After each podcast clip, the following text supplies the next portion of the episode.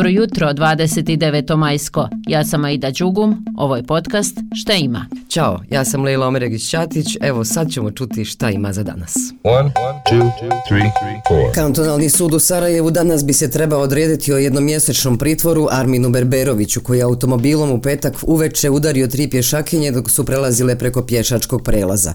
25-godišnja doktorica Azra Spahić je preminula, a druge dvije su teško povrijeđene. Tužilaštvo je zatražilo određivanje jednomjesečnog pritvora Berberoviću zbog opasnosti da bi osumnjičeni boravkom na slobodi mogao ponoviti krivično dijelo te da bi moglo doći do uznemirenja javnosti. Berberović nije imao položen vozački ispit. Tokom vožnje imao je 0,41 promila alkohola u krvi i vozio je brže od ograničenja. Veliki broj građana okupio se u nedjelju ulici Maršala Tita na mjestu gdje se dogodila nesreća kako bi odali počast stradaloj sugrađanki i zatražili veću sigurnost na ulicama grada. Pred apelacionim vijećem suda Bosne i Hercegovine 16. maja održano je ročište nakon poništavanja oslobađajuće presude u slučaju Dženan Memić. A sudsko vijeće će, kako je najavljeno, odluku o iznošenju dokaznog materijala donijeti danas. Podsjećamo šta je nedavno rekao advokat poradice Memić u slučaju skrivanja dokaza o stradanju Dženana Memića. Vjerujem da će većina dokaza koji su ranije izvedeni biti prihvaćeni, kako mi to kažemo, i očekujem da će biti i novih dokaza u okviru žalbe, a to bi trebalo biti saslušanje uvaženog profesora doktora Kemala Dizarevića, koji je autoritet u svojoj oblasti kao neurohirurg i koji treba dati sudu odgovore na neka vrlo važna stručna pitanja o kojima sud nema potrebno znanje pa se zato i angažuju vještaci, u ovom slučaju stručni svjedoci, a sve vezano za amneziju Alice Mutap uh, Sada Ramića. Nakon što sudsko vijeće donese odluku o tome da li će biti uvažen prijedlog tužilaca, bit će zakazan glavni pretres. Samo još da dodam da se optuženi Zijad Mutap, Alisa Ramić, djevojački Mutap, Hasan Dupovac, Josip Barić i Muamer Ožegović terete za organizovani kriminal, pomoć počinitelju nakon počinjenog krivičnog dijela i davanje lažnog iskaza.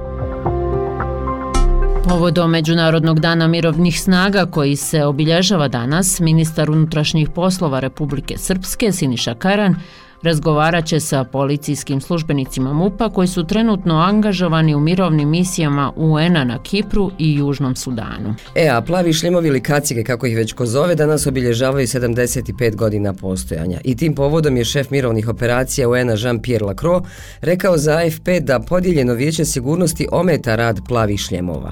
On navodi i konkretno, kaže kako paraliza i sukob između Sjedinjenih država Britanije i Francuske s jedne strane i Rusije i Kine s druge druge strane otežava operacije. Lacroix je pozvao na jedinstvo da bi mogli bolje uticati na provedbu mirovnih sporazuma i političkih procesa. Međunarodni dan mirovnjaka Ujedinjenih nacija 29. maj je 2002. godine ustanovila Generalna skupština UN-a u čast onima koji služe u zonama sukoba.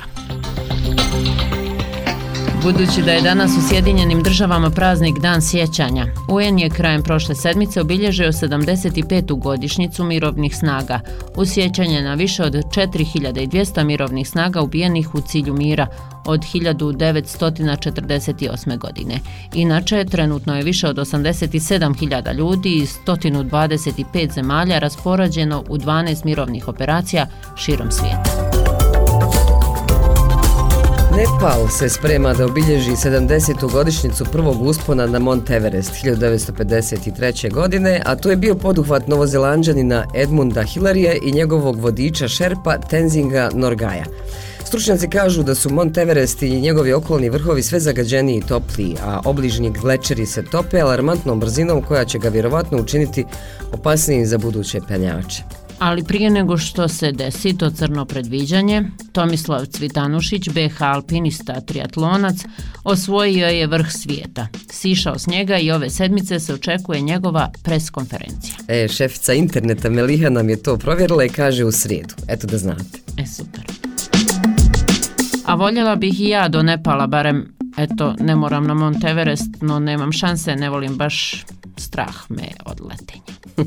E pa da znaš da to možeš riješiti. Baš sam na National Geographic čitala da aviokompanije procjenjuju da negdje između trećine i četvrtine nas u određenoj mjeri ima strah od letenja. Dobra vijest je da ga mnogi uspješno prevazilaze, često pohađajući kurs koji vodi psiholog ili aviokompanija. Dobro, to sa aviokompanijom teško da ima kod nas, ali psiholog ima. E, tačno bih mogla do E, Nepala. mogla bi. e, onda hajde. Ja samo da nešto završim pa ću ti se pridružiti. Ama Ćao. divno, divno. Ćao, čao.